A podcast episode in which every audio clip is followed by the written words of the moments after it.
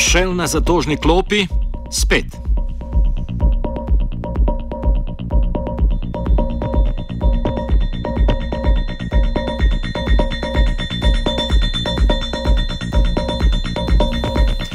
Sodišče v Londonu se je včeraj oklicalo kot pristojno za razsojanje v tožbi dveh skupnosti iz delte reke Niger v Nigeriji proti naftnemu podjetju Royal Dutch Shell zaradi neizvajanja programa čiščenja okolja, ki je onesnaženo z razlito nafto iz Shellove infrastrukture. Shell, ki nafto v delti Nigra črpa od leta 1958, se s tožbo zaradi onesnaževanja okolja ne sooča prvič. Kot pojasni nigerijski novinar Ifeani iz Zeze, pa so bile tožbe pred nigerijskimi sodišči do sedaj vse neuspešne. The issue is that Shell has not been very responsible in its environmental management in this country.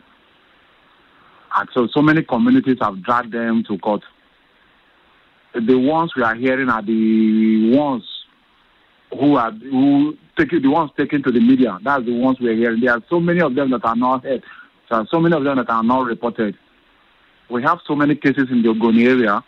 Of course, this the Saro-Wiwa case, and even up to Ogoni cleanup, which is still ongoing.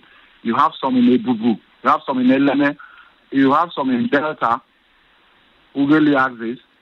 So there are so many of them. And it's a good thing now that uh, Nigerians now know that they can sue Shell in London. Because suing Shell in this country, in Nigeria, has not been successful. Shell has always had its way in this country.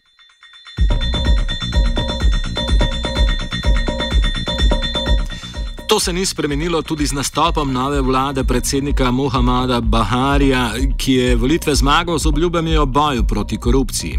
Kot meni iz Zeze, so namreč šelove lovke prepletene s sodnim sistemom. No, the issue is that remove a, any particular administration. This issue is It's not with any go. It's not with any particular president or any particular government.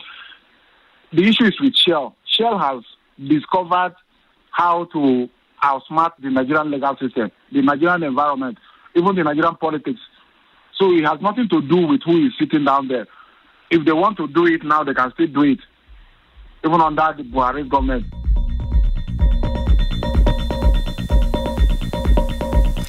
Soočeni s temi dejstvi so se lokalni prebivalci začeli obračati na sodišča v tujini. Prvo kaznivo dejanje, ki je odmevalo v mednarodnem prostoru, sega v leto 1995, ko so vojaške oblasti na pobudo naftnega giganta smrtile devet ogonov na čelu z okoljskim aktivistom Kenom Sanov Vivom, ki so glasno opozarjali na neodgovorno ravnanje naftne družbe na ekološko ranljivem območju delte reke Niger. Shell je vse čas spretno zavajal sodišča in nevladne organizacije ter pre, prelagal odgovornost na nigerijske oblasti. Leta 2009, na predvečer začetka sodnega procesa na Newyorškem višjem sodišču zaradi obtožbe zločina proti človekovim pravicam, se je Shell pogodil z lokalnimi skupnostmi s plačilom 15,5 milijona dolarjev.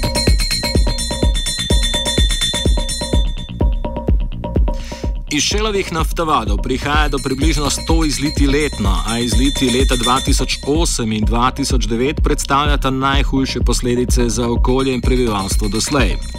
Prvi v vrsti sodnih procesov v zvezi z naftnim onesnaževanjem delte reke Niger zunaj nigerijskih meja se je začel leta 2008 s tožbo štirih kmetov nigerijske skupnosti Ogoni ter njihovo zahtevo po ugotavljanju odgovornosti koncerna Shell v tem primeru. Leta 2013 je prvostopenska razsodba potrdila tožnikom.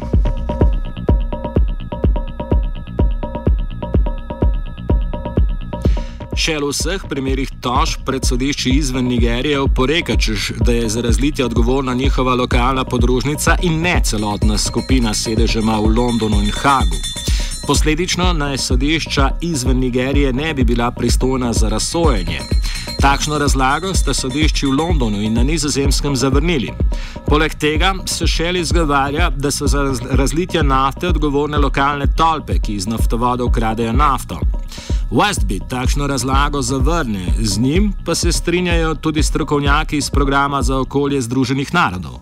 It is true that uh, illegal activity, theft of oil and, and sabotage of pipelines is a, is, a, is a major problem in the Niger Delta. However, we've shown through our research um, that that claims by the oil industry that the vast majority of spills and the vast majority of oil is spilt as a result of this illegal activity, that that claim is not credible. Um, it's based on a very flawed process to determine the the cause of spills, and it's being used by Shell and the other oil companies to divert attention away from their own operational failures because a big problem is the aging and badly maintained pipelines in the region, which are a major cause of spills. And you know, we we, found in court documents that uh, came out in the in the Bodo case that Shell knew back knew as far back as 2001 that its pipeline infrastructure in the Niger Delta was a was a um, was a major risk and hazard um, because of the fact that it hadn't been properly maintained and updated, and not only that, but the fact that it hasn't secured its pipelines against the kind of illegal activity is also something which courts are increasingly looking at uh, to see whether Shell can be held liable for prevent, failing to prevent um, sabotage spills and oil theft spills. Um, in fact, the, the, United Nations Environment Programme, when they did a major environmental assessment in 2011, concluded that uh, the maintenance of infrastructure by Shell was not best practice um, or even up to Shell's own standards and left the infrastructure vulnerable to sabotage. So there's much more the companies could do.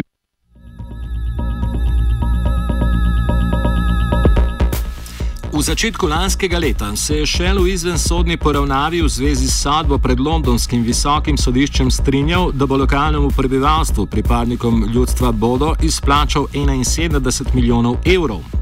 Ta poravnava je predstavljala dvojno zmago. Odškodnina, čeprav po zahodnih standardih majhna, je mnogo večja od prejšnjih. Hkrati pa je lokalno voljudstvo Shell tožilo v državi, kjer ima podjetje sedež in ne v Nigeriji. Opiše Joe Westby iz Amnesty International. The settlement agreement that, that Shell um, was forced to make in, yeah, as you say, the beginning of uh, last year, 2015.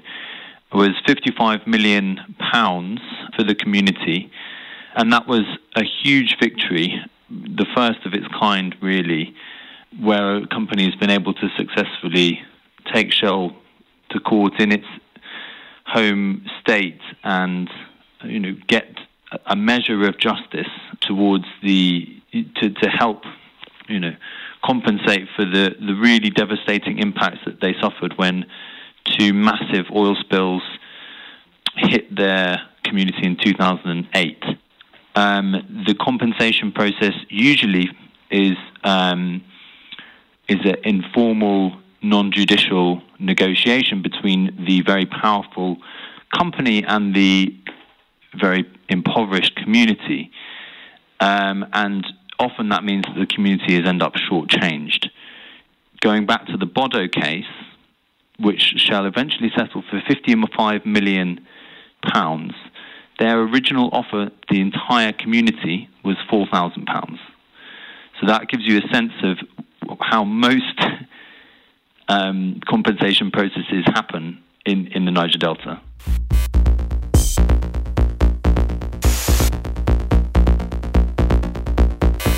Kljub zmagi velja povdariti, da je podjetje BP za poravnavo škode zaradi naftnega razlitja v Mehiškem zalivu leta 2010 plačalo več kot 40 milijard dolarjev, torej 500 krat več kot šel v Delti Nigra. Količina razlite nafte pa je bila le 20 krat večja.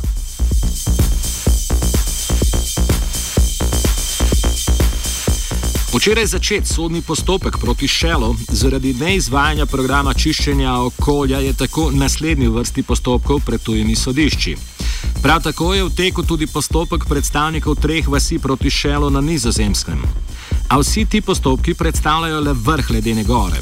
Območje delte reke Niger je namreč mnogo večje in količina razlite nafte na celotnem območju v zadnjih 50 letih znaša več kot petkrat toliko kot v primeru razlitja v Mehiškem zalivu. Marsikje pa danes pod talnico prekriva že 8 cm plast nafte. Nadaljuje Westby. The Niger Delta is a very large area. Um, it's an area the size of the Republic of Ireland. Um, the communities that we've been talking about, um, Ogale, I think, is around 40,000 people. Um, Bodo is a, is, a, is a larger community, but there are dozens, hundreds of other communities in the Niger Delta region, um, and there's many which are affected by oil spills that that don't, you know, don't get any public attention at all. Um, some of them are quite uh, difficult to access by road, even. Um, but there's pipelines going through uh, the the whole area, and spills happening across a, a very wide a very wide region, um, and that's why we we always say, although it's it's vital for communities like Bodo and Ogale um, to be able to get justice, we need to put it in perspective and say that there's lots of communities that don't that aren't able to bring claims um, to the to the UK courts um, and that are, and that are consistently getting shortchanged by the compensation process that's that's in that's in place and the and the lack of of proper environmental cleanup on a day to day basis um, because the failures that we've identified are systemic. They're not just specific to one or two communities or even a small area like Ogoniland. Um, Ogoniland, which is the area that the United Nations looked at, is um, is, a, is is just a small part of the whole Niger Delta region, um, and you know in that case, United Nations said it would take 30 years just to clean up that very small area for Coneyland. So it really is that I think that gives you a sense of the scale of of the the problem. The this is environmental dev- devastation across a massive massive region.